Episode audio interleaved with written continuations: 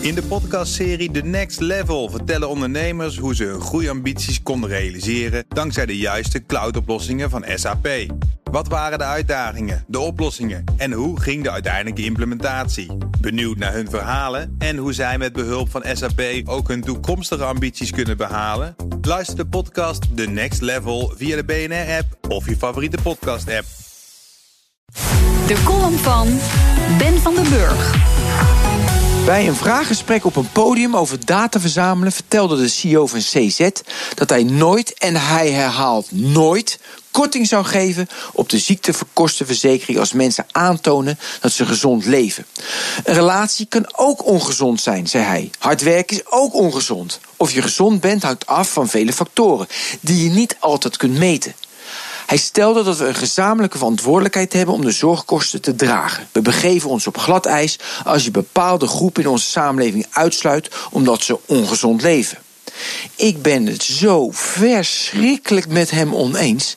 Natuurlijk staat solidariteit hoog in mijn vaandel. Toch heb ik moeite met iemand die overgewicht heeft, 15 pakjes sigaretten per week rookt, een fles wijn per dag achterover slaat, ziek wordt, in aanmerking komt voor een duur medicijn en onze samenleving tonnen kost. Terwijl ik minder moeite heb met iemand die gezond eet, drinkt, beweegt, leeft, ziek wordt en vervolgens tonnen kost. Gewoon om het simpele feit dat de data aantoont dat een gezonde levensstijl de kans verkleint dat je ziek wordt. Sommige mensen hebben inderdaad pech, ze leven gezond en worden toch ziek. Daarom lijkt het me zinnig dat je een gezonde levensstijl stimuleert en vervolgens beloont, terwijl je een ongezonde levensstijl afstraft. Maak sigaretten 20 euro per pakje, zoals in Australië waar je 22 dollar betaalt voor een pakje Marlboro. Voer een vleestaks in. Gebruik de extra belastinginkomsten voor een subsidie op fruit en groenten. Je kunt over dit soort maatregelen lang praten, vele lobbyisten spreken, in eindeloze discussies belanden, terwijl ieder weldenkend mens snapt dat we beter af zijn als je dit soort maatregelen snel invoert. Vervolgens stimuleer je bewegen door een beloning te geven als mensen kilometers maken. Menses heeft al vijf jaar zo'n programma waarbij je, je de gegevens van je fitness-app deelt met de verzekeraar. 225.000 mensen sparen punten. Leg je een kilometer af, 25 punten erbij. De punten kun je inruilen voor een korting op de aanvullende premiumkorting op de producten in de webshop.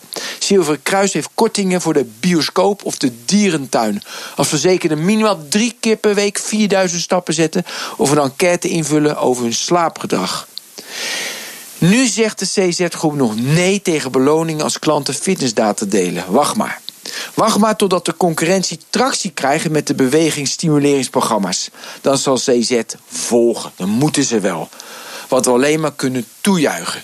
Van voortschrijdend inzicht wordt zelfs een verzekeringmaatschappij wijzer. In de podcastserie The Next Level vertellen ondernemers hoe ze hun groeiambities konden realiseren dankzij de juiste cloudoplossingen van SAP. Wat waren de uitdagingen, de oplossingen en hoe ging de uiteindelijke implementatie? Benieuwd naar hun verhalen en hoe zij met behulp van SAP ook hun toekomstige ambities kunnen behalen? Luister de podcast The Next Level via de BNR-app of je favoriete podcast-app.